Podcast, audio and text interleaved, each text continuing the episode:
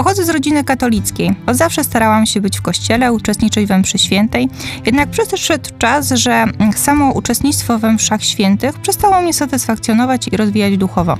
Od momentu przejścia przez e, formację i przyjęcie sakramentu bierzmowania i wejście w głębszą relację z Duchem Świętym, moje życie stopniowo zaczęło ulegać drobnym zmianom. Na początku pojawiła się chęć uczestnictwa we mszach świętych i nabożeństwach w ciągu tygodnia, nie tylko w niedzielę. Następnie pogłębianie relacji z Bogiem poprzez modlitwę Słowem Bożym, aż po przykrotne takie uczestnictwo we mszy pierwszej pielgrzymce podlaskiej aż trzy razy. Pan Bóg przyszedł do mnie z osobistym zaproszeniem do propagowania Jego woli poprzez drugiego człowieka. W moim przypadku była to moja koleżanka z roku. Studiowałyśmy razem, zdarzały się substelne rozmowy o Bogu, o Jego działaniu w życiu, o Jego działaniu w życiu każdej z nas tak naprawdę. Aż pewnego dnia przyszła do mnie i zapytała, czy chciałabym uczestniczyć w rekolekcjach odnowy w Duchu Świętym. Odpowiedź przyszła natychmiast. Tak, chciałabym. Pojawił się spokój serca, nagle zaczęłam znajdować czas na cotygodniowe spotkania, poznawać wielu wartościowych ludzi, bożych ludzi. Po rekolekcjach dołączyłam do wspólnoty odnowy w Duchu Świętym Credo.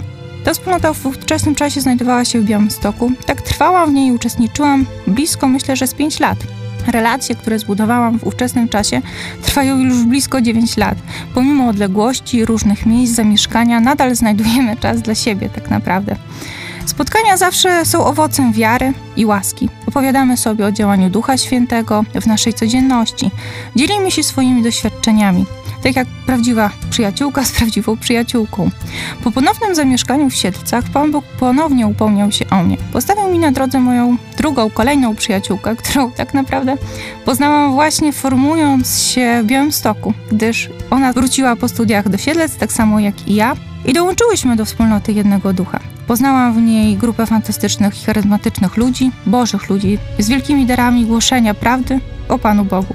Wielu zapyta, dlaczego nazywam ich Bożymi ludźmi. No dla mnie odpowiedź jest niezwykle prosta. Bożych, dlatego że przemawia przez nich Duch Święty.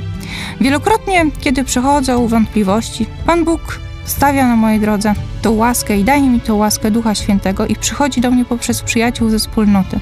Takim ostatnim, najlepszym przykładem jest wydarzenie, gdzie podczas słuchania wieczornej kontemplacji, też słuchania uwielbienia, zadzwonił do mnie telefon. Nie miałam tego numeru. Był to mój przyjaciel ze wspólnoty. Jak się okazało, poczuł wielką potrzebę, żeby zadzwonić do mnie.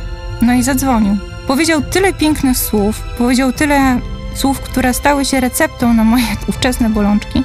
On sam nie wiedział, czemu akurat poczuł taką potrzebę, że musi do mnie zadzwonić i porozmawiać akurat na ten, a nie inny temat. No i teraz wspólnie rozumiemy, tak, że to Pan Bóg dał to łaskę i posłużył się nim do pocieszenia mnie w ówczesnym czasie. I tak jak ja mówię swoim przyjaciołom i tak jak ja mówię gdzieś tam sobie, że każdemu człowiekowi życzę takich bożych przyjaciół i bożych relacji. Dlaczego? Dlatego, że niezwykle lżej i pełniej się żyje. Iza.